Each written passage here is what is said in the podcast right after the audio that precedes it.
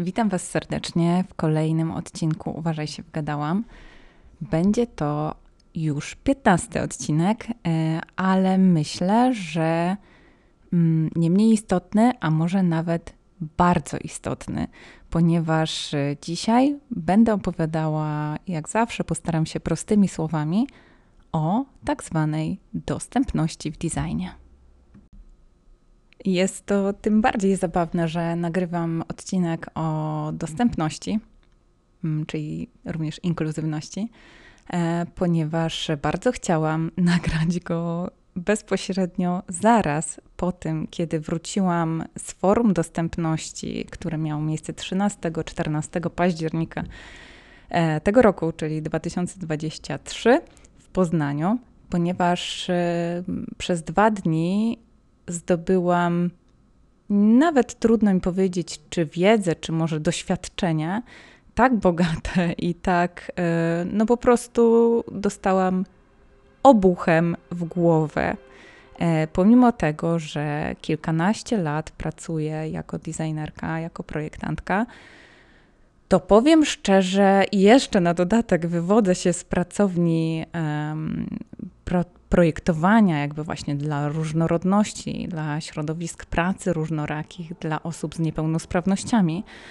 E, więc ta tematyka nie jest mi obca. Ja też e, w swoim projektowaniu bardzo często posługuję się narzędziem tak zwanym designem krytycznym, który również ma naświetlać e, pewnego rodzaju trudne kwestie i trudne problemy społeczne i światowe.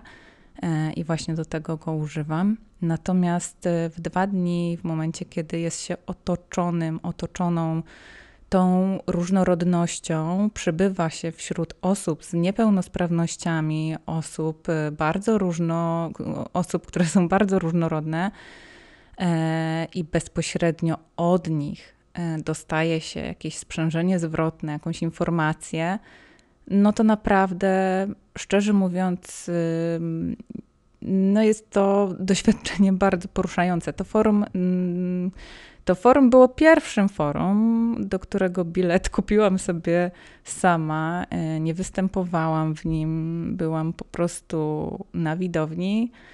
E, a miałam poczucie, że po prostu potrzebuję się czegoś dowiedzieć, żeby wiedzieć, jak projektować lepiej z uwzględnieniem e, osób różnorodnych. No i naprawdę zrobiło to na mnie duże wrażenie. Szczerze mówiąc, e, było to forum poświęcone komunikacji wizualnej, czyli grafice, poświęcone designowi i poświęcone architekturze. E, ja nie jestem znawczynią architektury ani komunikacji wizualnej, ale z chęcią również uczestniczyłam w wykładach i panelach, i to znaczy uczestniczyłam. Siedziałam na widowni i słuchałam z wielką, z wielką uwagą e, to, co się tam wydarzało.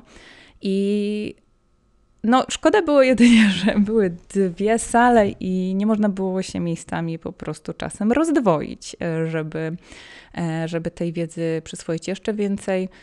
E, dlaczego nie mogłam nagrać bezpośrednio po? Mm, no, jest dziś koniec listopada, 29 listopada, a ja byłam wykluczona przez kilka tygodni z noszenia słuchawek, z uczestniczenia w świecie audio, ponieważ e, miałam taki drobny zabieg ucha przez zaniedbanie e, takiej blizny po piercingu, którą oczywiście bardzo olałam przez kilka miesięcy.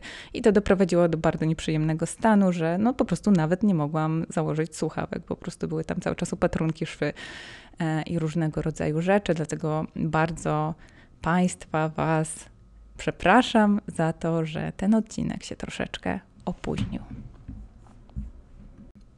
Ale nie byłoby tego złego, ponieważ część rzeczy trochę mi się osadziła w głowie, trochę, mm, trochę może przemyślałam niektóre kwestie i cały czas, jakby w momencie, kiedy coś na mnie zrobi wrażenie, jakaś partia informacja, to przetwarzam, przetwarzam. Więc zdążyłam przez te no w zasadzie dwa tygodnie przetworzyć bardzo dużo. Być może część mi się syntetyzowało, E, I, I sobie taki mini planik e, zrobiłam tego, co jest według mnie najważniejsze, żeby dzisiaj wybrzmiało. Nie będzie to wiedza bardzo mocno specjalistyczna, więc e, nie wiem, czy wy, projektanci, projektantki, architekci, architektki, skorzystacie z tego podcastu. Bardziej, tak jak cały mój profil, uważaj, przemeblowałam, tak samo podcast jest skierowany do szerszego odbiorcy. E, I to, co tutaj dzisiaj powiem, będzie bardziej może taką dla Was wiedzą oczywistą. Być może coś nowego usłyszycie, bo ja na tym forum dowiedziałam się naprawdę wielu ciekawych e, rzeczy. E, I, i myślę, że, że warto byłoby takimi może podstawami się podzielić. Więc no, rozpoczniemy. Rozpoczniemy może od takiego mini słowniczka. Mini słowniczka, e, który nie wyklucza, bo zauważyliście, zauważyłyście pewnie, że ja bardzo często staram się stosować feminatywy. Mm, odmieniam e, w rodzaju żeńskim, w rodzaju męskim, ponieważ nie chcę nikogo wykluczać. Uważam, że język jest wielkim narzędziem, e, który może zarówno pomagać, jak i szkodzić. Przez wiele lat język polski bardzo mocno usuwał na bok kobiety. E, I, i co? I w momencie, kiedy mamy lekarza, nauczyciela, urzędnika, a nie było urzędniczki, lekarki e, czy innych damskich zwrotów, feminatyw, no to faktycznie mamy taki dużo osób ma taki problem z używaniem feminatyw. Moi studenci często e, nie lubią się do mnie zwracać, podpisywać na przykład doktora, a nie, a nie e, podpisują doktor, e, albo promotor, albo nie, a nie promotorka. Więc, więc ja takimi drobnymi rzeczami, jak na przykład właśnie pisanie czy mówienie, często włączam kobietę w to, aby czuły się tak samo ważne jak mężczyźni. I, I dlaczego o tym wspominam? To ma być odcinek o inkluzywności, więc to włączanie jest y, no, takim e, szeregiem bardzo wielu różnych kwestii powiązanych ze sobą i chciałabym zacząć właśnie od języka. Nie bez powodu, ponieważ e, książka, którą poznałam na forum dobrego, forum dobrego designu, widzicie jak to się wżera, forum dostępności, jest książka, niesamowita książka e, autora Kamila Kowalskiego, którą wydała bodajże Fundacja, Fundacja Integracja. E, książka nazywa się Włącznik. I właśnie dlatego mówimy o tym włączaniu. Włącznik Projektowanie bez barier, Kamil Kowalski. E, to jest książka, którą zdobyłam na forum dostępności. Ona nie jest do kupienia. Jest to tak zwany biały kruk. Biały kruk, który nie tylko w pracowniach projektowych, ale w pracowniach architektonicznych powinien y, być obowiązkową pozycją na półce, która nie tylko stoi, ale do której się często zagląda. E, dlaczego? E, książka powstała jedynie w nakładzie 2000 egzemplarzy. Ja taki jeden egzemplarz posiadam, e, drugi egzemplarz zabrałam z taką ideą, żeby wziąć ją do pracowni projektowania do nas na uczelni, żeby również studenci mieli e, i studentki miały dostęp do tak ważnych informacji. To jest, jak to mówili architekci, bo głównie byli tam, no w zasadzie byli tam architekci, Mm, i architektka wnętrz. To jest Biblia projektowania inkluzywnego. E, ja nigdy wcześniej nie słyszałam o tej pozycji, a żałuję i myślę, że w szkołach designu no, ta pozycja powinna wejść do kanonu, tak jak wchodziły wchodziło na przykład y, książki Papanka czy, e, czy atlasy ergonomiczne. Tak samo włącznik powinien być pozycją obowiązkową. Ale jeśli ktoś z Was, której z Was e, zrobiło się żal, że jest to taki biały kruk, i nie można go kupić, e, no to myślę, że spokojnie można zagadać z Fundacją Integracją bądź z Kamilem e, Kowalskim i po prostu może wydębić od nich taki egzemplarz. Może warto byłoby wpłacić jakąś, jakąś symboliczną kwotę dla Fundacji Integracja za naprawdę zajebistą robotę. Ale nie byłoby tego złego, co by nie wyszło na dobre, ponieważ, yy, ponieważ przez to, że jest to egzemplarz niekomercyjny, można go w całości chyba sobie pobrać albo obejrzeć w formie PDF na stronie fundacji.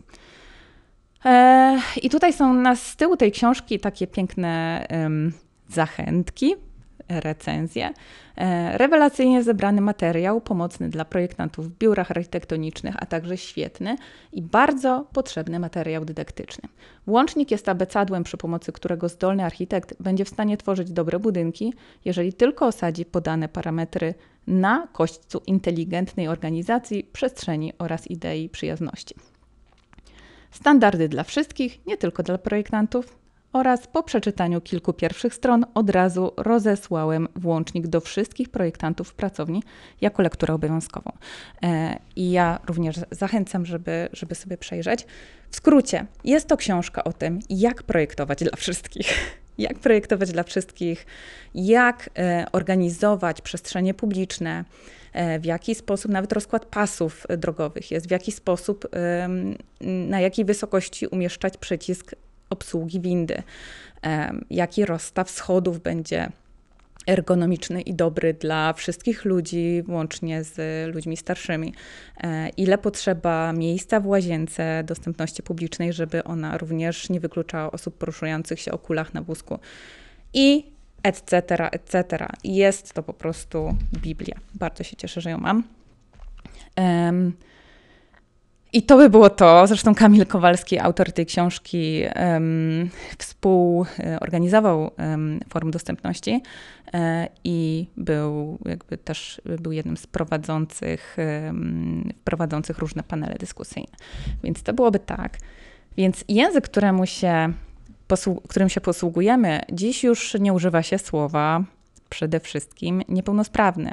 Niepełnosprawna osoba, niepełnosprawna, niepełnosprawni, projektowanie dla niepełnosprawnych, ponieważ e, tak prosto tłumacząc, to słowo ich nie określa. To jest jakaś Kasia, jakiś Andrzej, e, jakaś twoja sąsiadka, mama, siostra, brat. E, w związku z tym zazwyczaj mówi się po prostu osoba z niepełnosprawnością, osoba z niedowładem ręki, osoba z taką, a nie inną niepełnosprawnością. Ja czasem dla żartu, e, w związku z tą swoją e, neuroróżnorodnością ADHD, często mówię my ADHDówy albo dom ADHDowców. Natomiast no, ja trochę, no, wiadomo, że oswoiłam tą różnorodność, neuronietypowość. I, ale, ale myślę, że również spokojnie można mówić, że jest jestem osobą z ADHD. I, i tyle. Jest masa, ale to masa narzędzi, które mogą sprawiać, aby życie osób nietypowych, nie, e, nie, jakby nie stanowiących większość w społeczeństwie, e, było prostsze. I na tej konferencji, na tym forum było dla mnie bardzo wzruszające i bardzo takie kurcze, pokrzepiające, że tak mogłyby wyglądać po prostu konferencje i wszelkiego rodzaju eventy, mm, ponieważ one uwzględniały zwyczajnie tak prosto osoby, e, różnorodne potrzeby. W związku z tym e, przed wejściem do sali była informacja, że wszystkie wykłady i całe nagłośnienie jest podłączone do tak zwanej pętli indukcyjnej. Pętla indukcyjna to jest bardzo proste zjawisko w fizyce. E, jest wykorzystywane, mm, aby pomóc osobom niedosłyszącym lub osobom właśnie, które potrzebują jakby wspomóc sobie ten dźwięk i to jest pętla, która współpracuje z urządzeniami do nagłaśniania, dla, z aparatami słuchowymi. I dzięki temu Zwyczajnie taka osoba, która ma poważny niedosłuch albo mniejszy niedosłuch, może sobie siąść z tyłu. Nie musi z przodu, nie musi blisko głośnika, tylko może sobie siąść gdziekolwiek chce, podpiąć swoje urządzenie do tej pętli i wszystko słyszeć w swoim urządzeniu wspomagającym, w swoim aparacie słuchowym. E, jedna z osób, która tam występowała mm, jako gościni, opowiadała o takim doświadczeniu, kiedy e, była na koncercie i kompletnie nie spodziewała się, że na koncercie muzycy, organizatorzy zadbali o to, aby e, cały koncert również był dostępny dla osób niedosłyszących. I całość była właśnie podłączona pod tą pętlę indukcyjną. E, mówi, że no, było to zaskakujące. To powinna być tak naprawdę norma, ponieważ całe zjawisko ponoć nie jest, to nie jest jakiś rocket science, to jest zjawisko znane od dawna. E, I faktycznie mm, wiele rzeczy, wiele komunikatów w przestrzeni publicznej mogłoby spokojnie być pod taką pętlę dostępne. Nie muszę wspominać o tym, że dźwięk bardzo często wyklucza, bo teraz, skoro już o, miałam inny plan na to, jak mam mówić dzisiaj, ale już jeśli o dźwięku, to już kolejna dygresja. Pewnie poruszając się, korzystając z, kolei państwowych, Intercity czy Regio, zdarzało Wam się stać na peronie i kompletnie nie rozumieć e, informacji, które były tam przekazywane. E, jest taki problem na dworcu we Wrocławiu, regularnie nie słyszę co w ogóle jest przekazywane, jaka to jest informacja.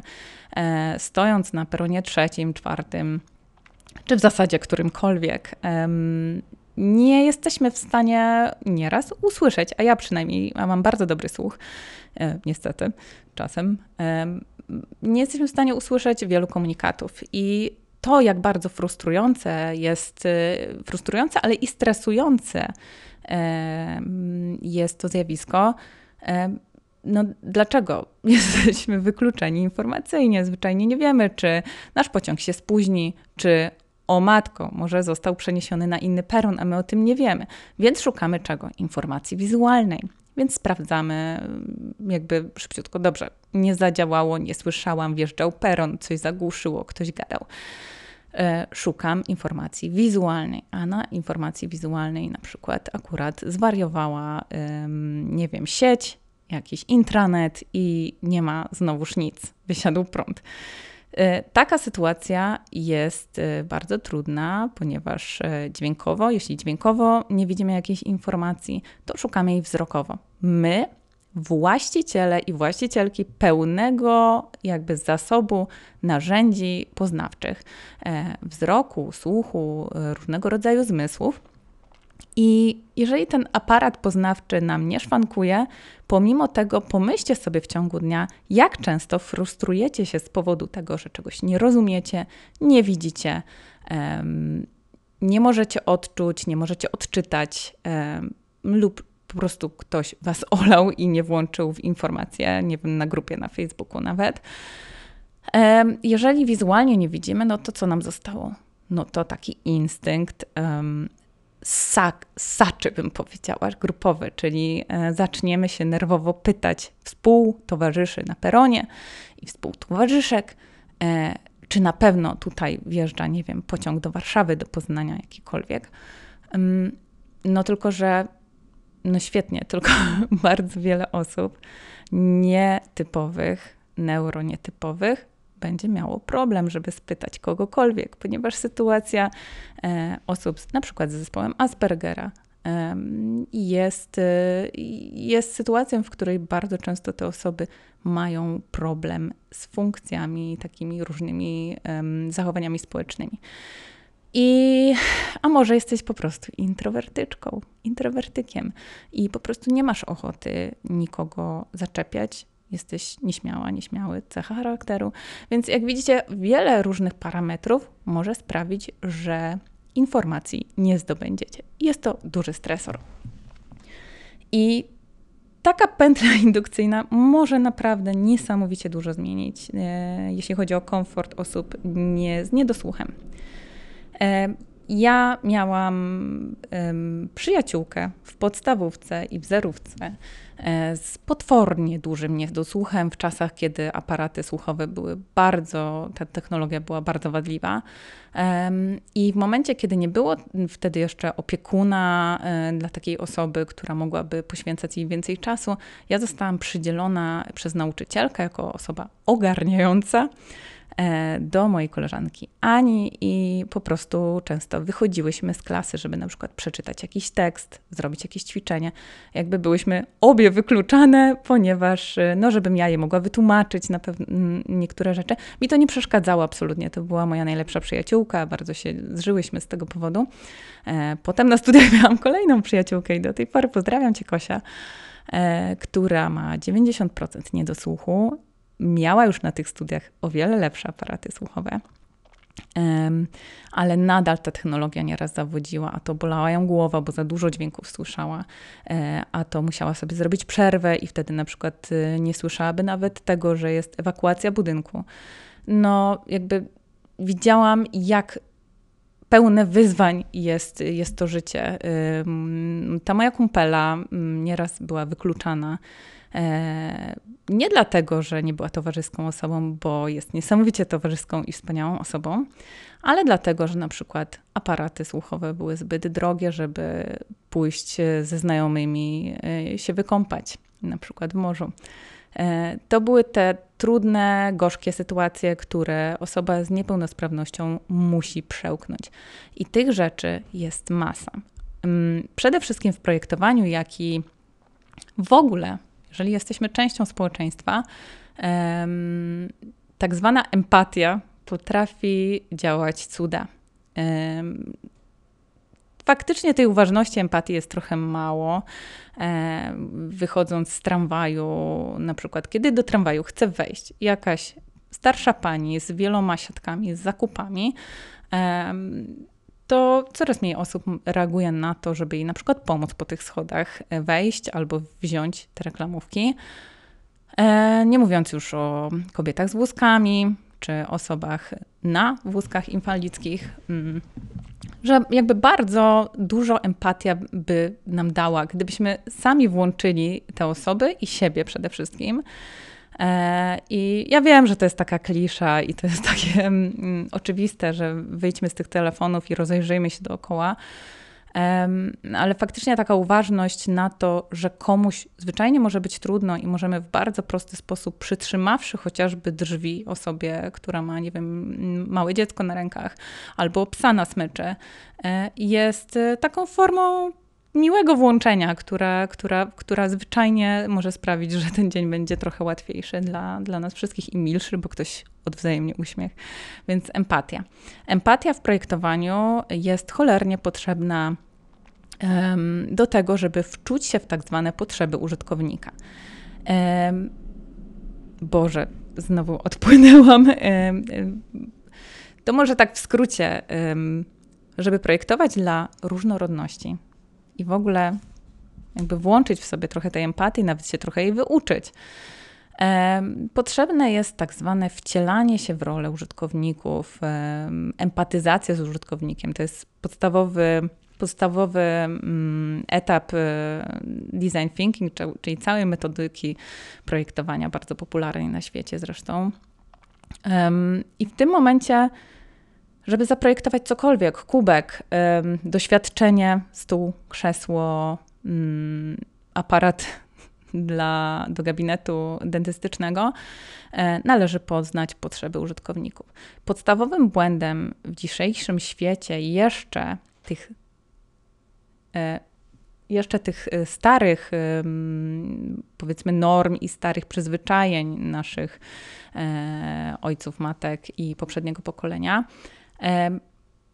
jakby zmieniając rzeczywistość, musimy ją zmieniać zewsząd, czyli zmieniać e, przedmioty, które powinny uwzględniać różne potrzeby, usługi, mm, aplikacje i wszelkiego rodzaju inne rzeczy, a nawet ubrania, a nawet ubrania, żeby po prostu były prostsze w obsłudze. Coś czuję, że tutaj się na godzince nie skończy dzisiaj. I, I zwyczajnie do tego służą badania, badania użytkownika. E, w badaniu użytkownika, może w ogóle o projektowaniu kiedyś zrobię odcinek, ale tak w skrócie chciałam tylko powiedzieć, że my ucząc się projektowania, designu, e, dla nas jest oczywiste, że empatyzujemy z daną nie grupą, tylko z daną jednostką, czyli na przykład przeprowadzamy wywiady z osobami bezpośrednio zainteresowanymi albo potencjalnie zainteresowanymi tym przedmiotem. E, I w tym celu, jeżeli projektuje się zabawkę dla dzieci z niepełnosprawnością, to się po prostu idzie do ośrodka, obserwuje, jak te dzieci się bawią, co robią, rozmawia się z rodzicami, z wychowawcami, z wychowawczyniami e, i również e, bawi się z tymi dziećmi, żeby, żeby zobaczyć, poznać, poznać użytkownika. Bardzo często bierze się również użytkownika tak zwanego skrajnego, czyli wybitnie nieużywającego danej usługi e, albo użytkownika, o Jezu, ex, extreme, ekstremalnego, takiego nadużytkownika, który nadużywa wręcz danej czynności. E, czyli jeżeli projektuję ekspres do kawy, to będę badała zarówno kawoszy, które znają się na każdym procesie wypalenia i każdym stopniu e, temperatury, którą powinniśmy mm, dostosować wodę do zalania tej kawy, jak i e, osoby, które po prostu kawy nie lubią, bo może nie lubią, bo zbyt skomplikowane jest jej parzenie albo jeszcze coś innego. Czyli biorę sobie jakby takich użytkowników skrajnych. Do tego wszystkiego mm, cholernie ważne jest właśnie włączenie y, tak zwanego projektowania uniwersalnego. Czyli jeżeli już projektuję ten ekspres do kawy, przecież to nie jest narzędzie rehabilitacyjne, to jest zwykły przedmiot, który powinien służyć wszystkim, dorosłym, dobrze, powiedzmy dorosłym.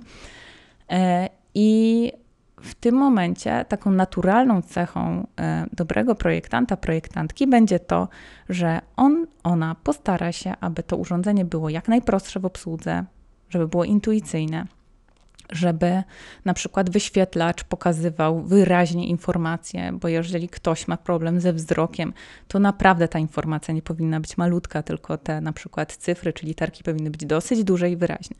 E, przyciski, które służą danej czynności, powinny być wyszczególnione, czyli na przykład, jeżeli coś jest niebezpieczne, to ono będzie często w kolorze czerwonym. Nie?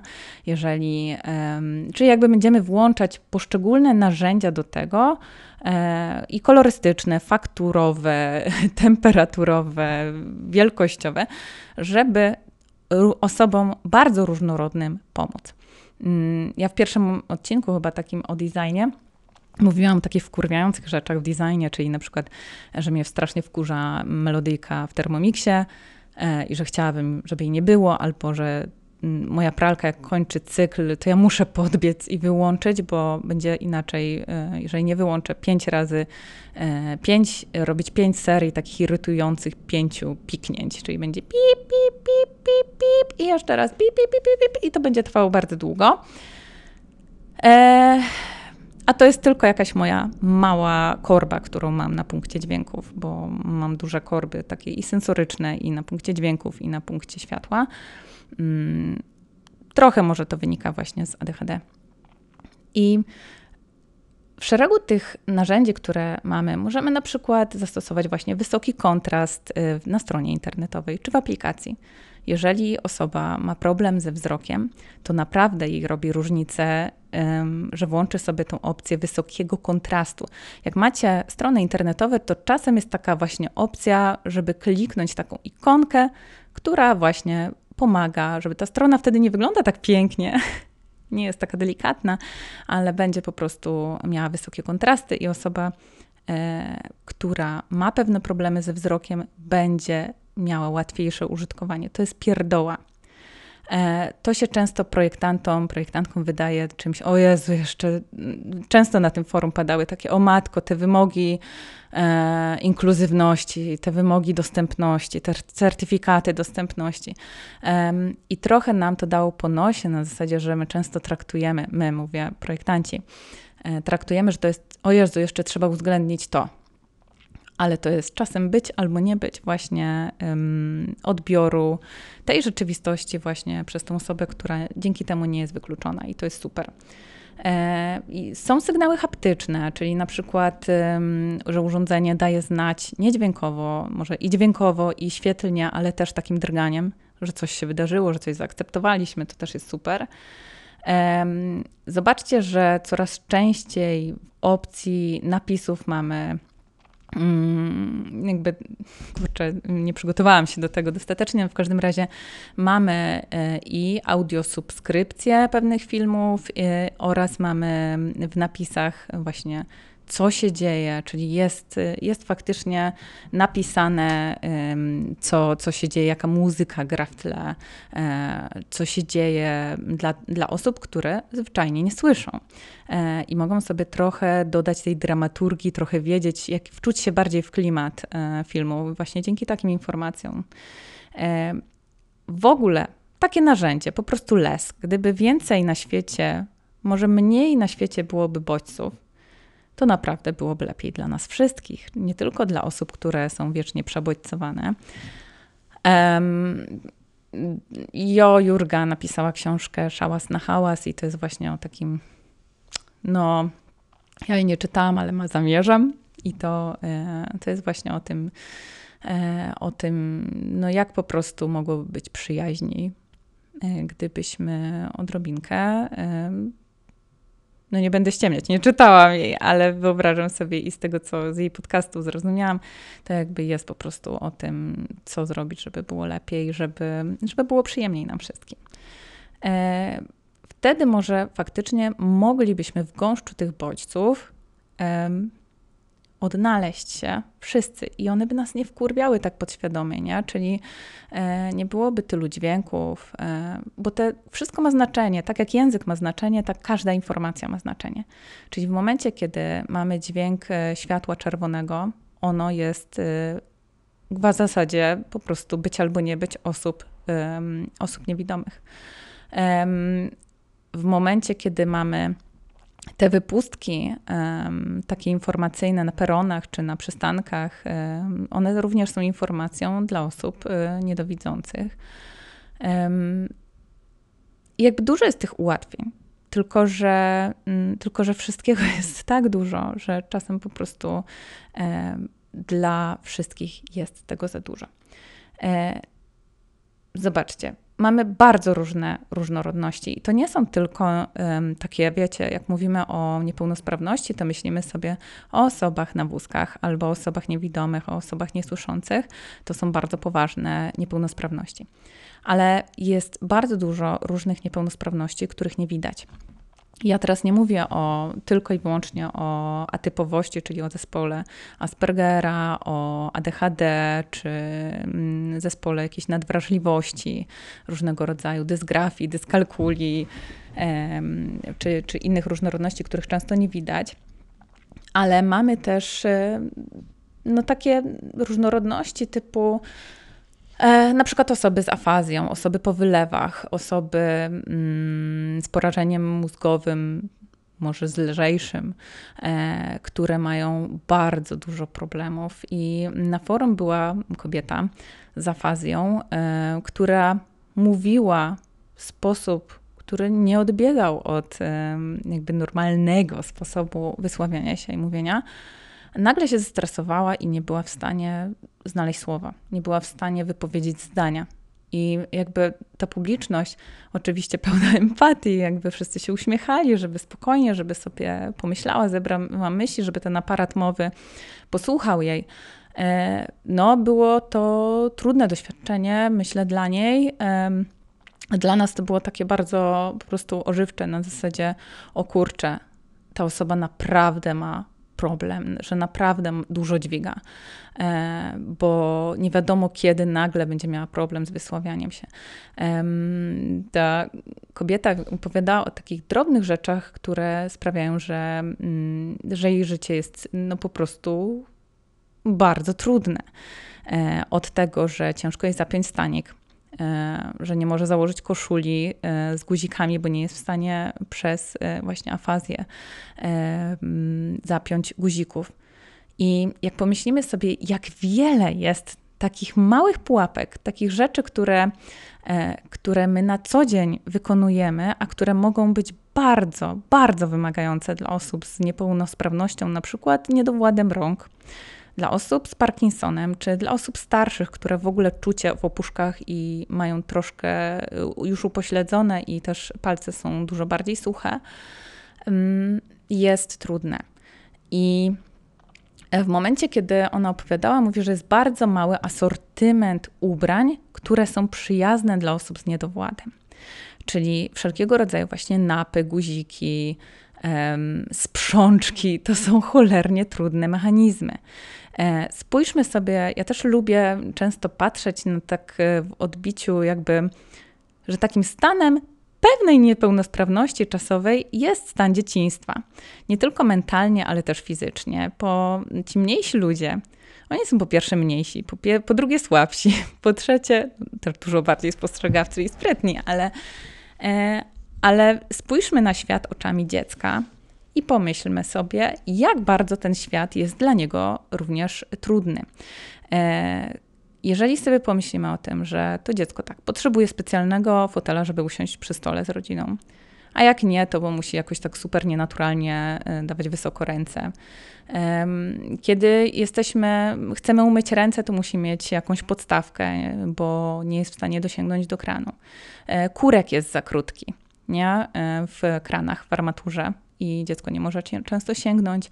E, pompka w mydle jest za mocno nastawiona. E, no jest masa różnych rzeczy, które wykluczają dzieci. I na to się dużo częściej zwraca uwagę, dlatego że duża, większa część społeczeństwa ma do czynienia, wychowując dzieci, czy będąc y, w pobliżu dzieci, e, dostrzegać te problemy, ale jeżeli sobie tak pomyślimy w ciągu dnia, ile to dziecko ma e, problemów z różnymi rzeczami. Ja nie mówię o tym, żeby że nawet z założeniem buta, bo to jest często w ogóle super wymaganie, albo zapiąć e, zamek dla takiego 3-4-latka.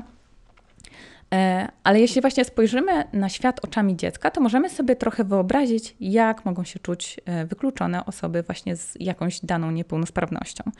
Mm, to jest tak najprostsze narzędzie, które mogę Wam dać do ćwiczenia empatii.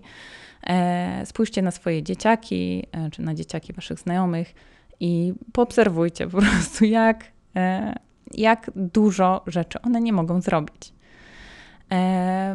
Od tego, że schody, wysokość schodów też jest dla nich za niska, że barierka jest za wysoko i nie mogą się złapać, muszą trzymać rodzica. Ja kupiłam kiedyś trampki mojej córce, która, których się nie dało założyć po prostu, bo były tak twarde, bo były jakby zrobione techniką, tak jak e, szyte, tak jak buty dla dorosłych, ale były po prostu tak grube, no, pomniejszoną wersją dorosłego buta. No, po prostu zupełnie inna jest specyfika stopy i tych małych rączek, które je zakładają. Więc to świadczy o totalnym właśnie braku empatii producenta czy, czy projektantów, e, którzy takie rzeczy projektują, a potem rodzica głupiego, który to kupuje. Więc świat oczami dziecka to jest właśnie to. E, teraz Kolejny etap niepełnosprawności różnego rodzaju to jest czasowa niepełnosprawność. Ile razy, nie wiem, ktoś z Was na pewno miał złamaną nogę, rękę, nie mógł mówić, bo gardło go bolało, albo, e, no widzicie, nie mogłam nagrać podcastu, bo miałam wyłączone ucho, mnie bardzo bolało i, e, i nie mogłam założyć nawet czapki, żeby mnie nie bolało. E, I wypisałam sobie takich kilka wkurwiających rzeczy żeby właśnie, oj, wypadły mi jakieś rzeczy, żeby właśnie sobie pomyśleć o tym troszeczkę. Na przykład, jestem w ciąży. E, w momencie ciąży wielu rzeczy kobietom w ciąży nie można. E, na przykład tego, że jeżeli się rozchorują, to nie mogą wziąć 95% leków, bo nigdy nie badano tych leków na osobach w ciąży, bo nikomu się nie chciało tego zrobić. W związku z tym, na wszelki wypadek, tylko witamina C, czosnek i miód. I tylko tyle, może kobieta w ciąży. Więc w momencie, kiedy na przykład byłam w ciąży i miałam zapalenie pęcherza, to wyleczenie zapalenia pęcherza, które normalnie po prostu brało się dwie furaginy i ciepłą kąpiel, było bardzo trudne. I to jest takie wkurwiające wykluczenie, że nie mogę, bo jestem w ciąży. E, nie mówię o rozrywkach, mówię o podstawowych rzeczach, dostępie do opieki zdrowotnej. Albo na przykład nie mogłam skorzystać z toalety, bo nigdzie kurwa nie ma publicznej toalety. I, a kobietom w ciąży, w ogóle kobietom, e, chce się siku dużo częściej niż mężczyznom, bo mamy krótsze cewki. Nie każdy ten fun fact wie, zna. Kolejna rzecz. Nie mogę wejść tam z dzieckiem. Są restauracje, były takie oburzenia w internecie, gdzie nie można wyjść z dzieckiem. Jest taka polityka, no ale to jest forma jednak jakiegoś wykluczenia. Nie na przykład o. Mm, albo w restauracjach, w których po godzinie dziewiątej, na przykład y, za granicą, ktoś mi ostatnio opowiadał coś takiego, że no, pani ma dziecko, pan ma dziecko, to już wypadł, bo jest godzina dziewiąta, a po dziewiątej to już będą pijackie różne rozruby, więc y, proszę wyjść. I, y, I to jest również forma wykluczenia. Mam złamaną nogę, więc wejście na trzecie piętro w kamienicy może okazać się wyzwaniem, albo prowadzenie samochodu staje się niemożliwe, czyli jesteśmy wykluczeni czasowo. E, biorę leki, więc e, nie mogę oddawać krwi, nie mogę być honorową dawczynią krwi. Całe życie byłam, teraz biorę psychotropy i nie mogę, więc jestem wykluczona z tego mojego, z tej mojej minimalnej dawki dawania zdrowia i dobra, które, które zazwyczaj robiłam.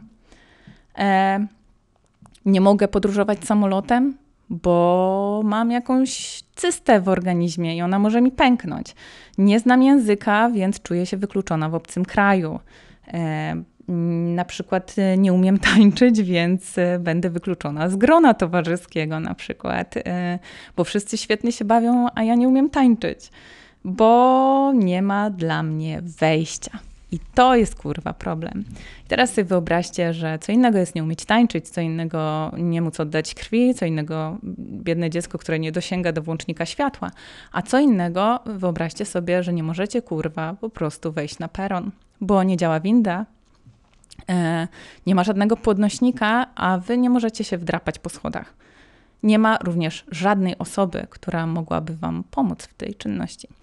I to jest chujowe uczucie. Myślę, że e, jakby ilość historii, które usłyszałam na forum, była bardzo zatrważająca i właśnie te rzeczy, które dla nas, zdrowych ludzi, pełnosprawnych ludzi, jest bardzo, bardzo te rzeczy są oczywiste, to no, te bariery, które są w przestrzeni publicznej, nieraz są nie do pokonania. Mm. Mając wózek, będąc młodym tatą, mamą, babcią, dziadkiem, mając wózek, e, no ja, ja nie będę wszystkiego opowiadać, bo tego było strasznie dużo, ale takich drobnych frustracji i nie mogę, nie dam rady, było tak dużo, że no to bardzo psuło radość ze spacerów, że na przykład właśnie tym wózkiem nie jestem w stanie e, jeździć po nierównym chodniku.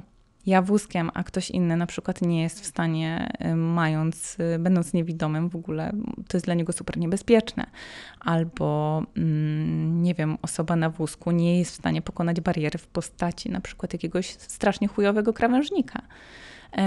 I na przykład będąc w Nowym Jorku, zobaczyłam, że nie ma krawężników. To jest takie proste, nie? że albo one są bardzo niskie. E, I to nie stało jakby się. To nie było tylko to, że um, fajnie, bo ludzie z wózkami e, albo ludzie na wózkach mieli łatwiej, jakże po prostu normalnie człowiek normalnie poruszający się w pełnosprawny sposób miał łatwiej, ale to też sprawiło, że przestrzeń ogólnie stała się lepsza dla wszystkich. Bo co się okazało? Weszły hulajnogi. Ludzie mogli na hulajnogach normalnie popylać po tych chodnikach. Ludzie na deskorolkach, gdzie po prostu no, zarąbiście równy chodnik, to znaczy super zabawa dla wszystkich dzieciaków na deskorolkach i nie dzieciaków. E, I o tym jest trochę właśnie projektowanie inkluzywne, projektowanie uniwersalne, tak zwany design for all. I o tym jest, że przestrzeń i przedmioty nie wykluczają nikogo. Pewnie, że nie da się zaprojektować wszystkiego dla wszystkich, ale że staramy się projektować przestrzeń, która nie generuje problemów. E, czyli będzie dobra dla starszych osób, dla osób z niepełnosprawnościami, ale przede wszystkim po prostu dzięki temu, że będzie przystosowana do osób z niepełnosprawnością, czy czasową, czy permanentną, e, ona będzie lepsza dla wszystkich. I o tym jest właśnie projektowanie uniwersalne, i do tego cały świat teraz w tym momencie dąży. Na to będą dofinansowania z Unii, e, do tego będą dążyć wszystkie firmy, wszystkie miasta, państwa. do tego, żeby przestrzeń była jak najbardziej e, właśnie dla osób różnorodnych. I, e, I to będzie piękny świat. To będzie piękny świat, ponieważ wszyscy kiedyś będziemy osobami z niepełnosprawnościami. E, nie mówię o tych, którzy umrą z nas przedwcześnie, ale mówię po prostu o tym, że będziemy wszyscy starzy najprawdopodobniej. A to jest w ogóle niesamowite, ponieważ uwaga, uwaga, to są realne liczby. 25% naszego społeczeństwa polskiego w tym momencie, w 2023 roku, ma powyżej 60 roku życia. To jest 1 czwarta e, narodu. W 2050 roku z kolei 37%. To jest 10% więcej. To jest bardzo duża liczba i to będzie rosło. To jest tak zwane właśnie mm, starzenie się społeczeństwa i jednym z giga trendów w projektowaniu i na świecie jest właśnie przystosowywanie świata do osób starszych. I to nie w sposób taki, że dokleimy gdzieś barierki, tylko w sposób taki, czy zrobimy podjazdy, tylko w taki sposób, żeby to nadal było piękne. Bo w tym całym dostosowywaniu, w tym całym rewitalizowaniu przestrzeni nie chodzi o to, żeby e, powstawały dostawki, doczepki, jakieś protezy imitujące dostępność dla osób z różnorodnościami, ale żeby te przestrzenie zwyczajnie od początku były projektowane dla różnorodności. W momencie, kiedy projektowanie uniwersalne wkracza w przestrzeń, e, w przedmioty, w przestrzeń publiczną, mm, staje się coś magicznego, ponieważ osoby e, różnorodne nie są nie tylko wykluczone, ale one są włączone. Nie tylko jest, e, one są po prostu traktowane równie, równo, równo, w sposób równy. I w momencie, kiedy nie ma bariery, czujemy się częścią całości. Nie jesteśmy wykluczeni z grupy z grupy rówieśniczej nie było pewnie przyjemnie być w podstawówce wykluczonym. Ja byłam wykluczona po przeprowadzce, bo byłam tą nową. E, I cały czas ktoś mi dokuczał, nikt mnie nie znał. Z najpopularniejszego dziecka w klasie, jednego z najbardziej zabawowych, stałam się nagle tą nową. E, I byłam wykluczona i codziennie płakałam, i było to dla mnie zajebiście trudne. I, I tak samo myślę, że każdej, każdemu z Was przydarzyło się być kiedyś wykluczonym, wykluczoną, e, choćby właśnie czasowo przez, przez jakąś usterkę ciała, usterkę umysłu, albo bo mam alergię, nie mam co zjeść kurwa, jestem głodna, bo nie mam co zjeść, bo mam uczulenie na mleko e, na przykład. E, nie mówię, że ja mam uczulenie, ale długo miała moja córka uczulenie na mleko i, i było to wyzwanie, bo jedynym jedzeniem w knajpie, które można było takiemu dziecku podać, to były fryty. O, bo jest zbyt głośno. Na całym forum dostępności, to jest w ogóle paradoks, były miejsca, jakby fajnie, bo były zaaranżowane miejsca na osoby na wózkach, żeby mogły nie tylko stać z boku na tych wózkach, bo, tylko były w środku rzędów. I to było super. To było bardzo zmyślne. Faktycznie, że, że można było po prostu, że osoby na wózkach między rzędami, gdzieś tam, nie między rzędami, tylko były wygospodarowane miejsca właśnie na widowni, żeby one mogły zasiadać normalnie na widowni, a nie być gdzieś z boku w przejściu i stanowić, wiecie, e, czuć się jak jakaś bariera, blokada przejścia. Myślę, że to musi być strasznie przykre. Była, były obecne tłumaczki języka migowego, które non-stop, symultanicznie tłumaczyły wszystko. W ogóle zajebiście ciekawe, e, jak wygląda język migowy. I też ciekawostka, język migowy nie jest uniwersalny na całym świecie, e, tylko również trzeba się go nauczyć w danym kraju. I, i dobrze, dużo rzeczy było pomyślanych, ale na przykład jako osoba, która jest, no po prostu mam faktycznie korbę na te różne rzeczy. Mm, przez całe dwa dni słyszałam dźwięk, którego nikt nie słyszał, dopóki mu o tym jej nie powiedziałam. I, I, mówię tak do mojego Mateusza po, po, po lewej stronie, mojego pracownika, współpracownika, współprojektanta. Mateusz, czy ty też to kurwa słyszysz? Ale co? No ten pisk, który jest cały czas. Jaki pisk? O co ci chodzi? I coś, co mm, jednym nie przeszkadza, dla mnie było po prostu trudne do zniesienia. Nie powiem, że nie do zniesienia, bo nie do zniesienia bym wyszła.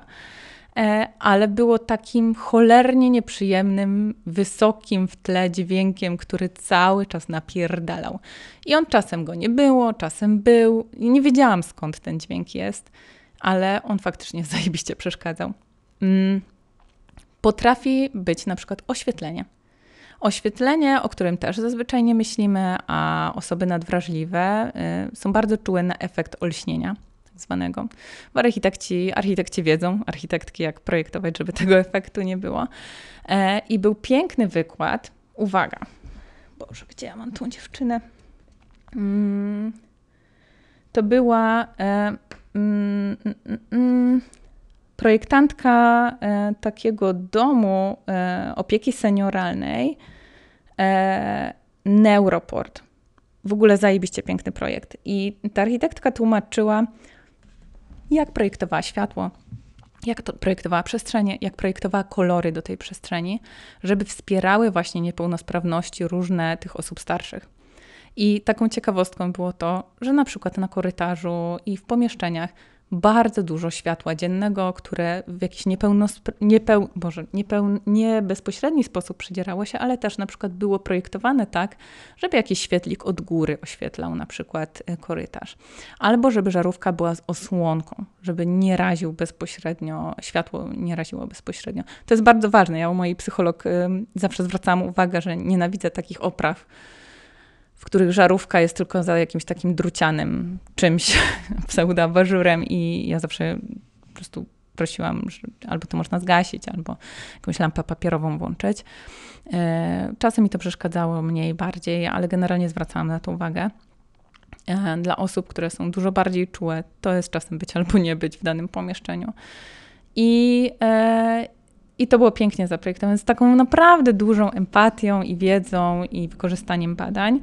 E, I ta dziewczyna jakby opowiadała, ta dziewczyna, Boże, dziewczyna bardzo młodo wyglądałaś, dlatego tak mówię, ale no, niesamowita specjalistka przede wszystkim, e, że na przykład użyła wzorów i kolorów bezpośrednio jakby czerpiący z estetyki lat 70. i to była dla mnie też ciekawostka, ponieważ w badaniach, z których korzystała, było udowodnione, że osoby z zanikami pamięci, e, osoby z demencją bardzo dobrze czują się w przestrzeni, która przypo, przy, przypomina estetycznie e, przestrzeń ich młodości.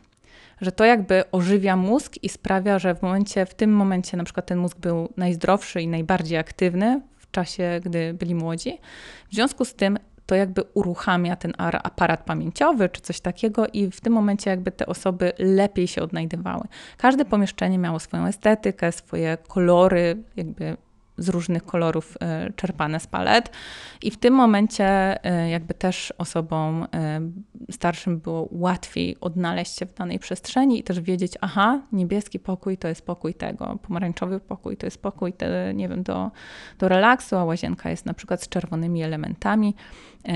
I to też było super ciekawe, że że na przykład dla osób ze szwankującą pamięcią e, nawet zakręcenie kurka czasem jest wyzwaniem i tam na przykład te kurki były w kolorze czerwonym właśnie, ponieważ czerwony stymuluje pamięć e, i wszystkie jakby urządzenia były wybrane jakby właśnie na przykład producentów, którzy robią świetne rzeczy, bardzo już teraz, zresztą właśnie Design for All, czyli tak estetyczne, że sama bym chciała mieć taką umywalkę z takim długim i kran z takim długim kurkiem, bo to jest po prostu wygodne dla wszystkich, czyli Design for All, a nie tylko dla osób z niedowładem. E, no po prostu bardzo, bardzo czułe, to zresztą polecam sobie zobaczyć, pewnie gdzieś w internecie jest ta publikacja Neuroportu. I już trochę się zmęczyłam, chyba faktycznie podzielę sobie. E, dopowiem coś jeszcze później. Mm, też opowiem o moich e, projektach, w których uwzględniałam różnorodność. Ale przede wszystkim, e, co chciałabym podkreślić, żeby wybrzmiało w tym odcinku, że. Mm, że najważniejsze jest to, żeby przede wszystkim normalizować to normalizować i, i upowszechniać. I ja bardzo się cieszę, obserwując jakby um, rozwój mojej córki, że we współczesnych bajkach są osoby różnorodne, e, czyli postaci różnorodne, że na przykład są bardzo często mm, w bajkach, jakby normalnie włączane w zabawy, dzieci z niepełnosprawnością albo dzieci z różnymi e, atypowe, mm, neuroatypowe. E, I to jest super. I dla tych dzieciaków, dzięki temu, że one są wychowane, jakby obcując z tym, to jest norma. To jest dla nich normalne, że ktoś jeździ na wózku, bo ma na przykład chore nóżki. I jakby to już nie jest oglądanie się, tak jak w moim dzieciństwie było takie oglądanie się na tą różnorodność, tylko to jest, aha, o, ten pan ma chore nóżki i dlatego tu jest dla niego miejsce. E, ta normalizacja i sprawianie, że przez design te rzeczy stają się atrakcyjniejsze, jakby estetyka to nie jest tylko, to jest jedno z narzędzi. Bardzo ładnie to powiedziała Katarzyna Ciszek. W każdym razie, on coś źle zapisałam nazwisko. Pani Katarzyna z Fundacji Kulawa Warszawa że mm, estetyka jest częścią funkcjonalności i to jest coś, co w ogóle mi się tak wow, ale zajebiste, że zazwyczaj estetykę mówiła się, no estetyczny znaczy ładne, ale co to znaczy ładne i to była taka rzecz, rzecz trochę, no nie pierwsza potrzeba, nie może w tym wszystkim, a ona pięknie to e, udowodniła dla mnie, znaczy uargumentowała, że estetyka, w momencie kiedy estetyka e, jest przyjemna, jest nieagresywna, jest dla nas wspierająca, e, dla właśnie różnorodności. Przede wszystkim chcemy z takich estetycznych e, rozwiązań też korzystać, a w momencie, kiedy chcemy z nich korzystać, to ich zazwyczaj używamy prawidłowo. E, czyli jeżeli architektura jest dobrze zaprojektowana, w dobrych proporcjach, jest inkluzywna, że jakby są świetne podjazdy, ale takie podjazdy, takie rampy, z których w zasadzie każdy może skorzystać to jest po prostu coś, czego się chce używać. Czy piękne szkoły, w których e, naturalną sprawą jest praca w grupie, bo, bo na przykład meble są w takim kształcie, że można je suwać, są na kółkach na przykład, albo można je suwać, więc jakby umożliwiając tą interakcję w grupie. E, fajne też jest to, to też usłyszałam i to mi się bardzo podobało, że Okulary są formą protezy, na przykład, która weszła do mainstreamu. Czyli kiedyś okulary były trochę stygmą, okularnik, okularnika się nie biło, e, ale w tym momencie jakby, no kurwa, posiadanie ładnych okularów od dobrego projektanta to jest forma prestiżu, forma mody. Ja na przykład się kiedyś złapałam na tym, że o, szkoda, że nie wyszła mi wada wzroku, bo chciałabym nosić okulary i potem mi wyszła lekka wada wzroku, więc od razu sobie zrobiłam okulary, bo okulary są taką ładną protezą.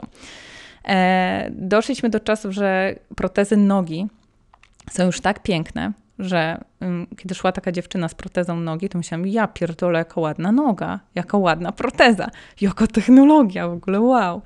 E, I o to chodzi, że jeżeli te protezy są pięknie zaprojektowane, są zajebiste, to dzieciom może się kojarzyć to na przykład z supermocą.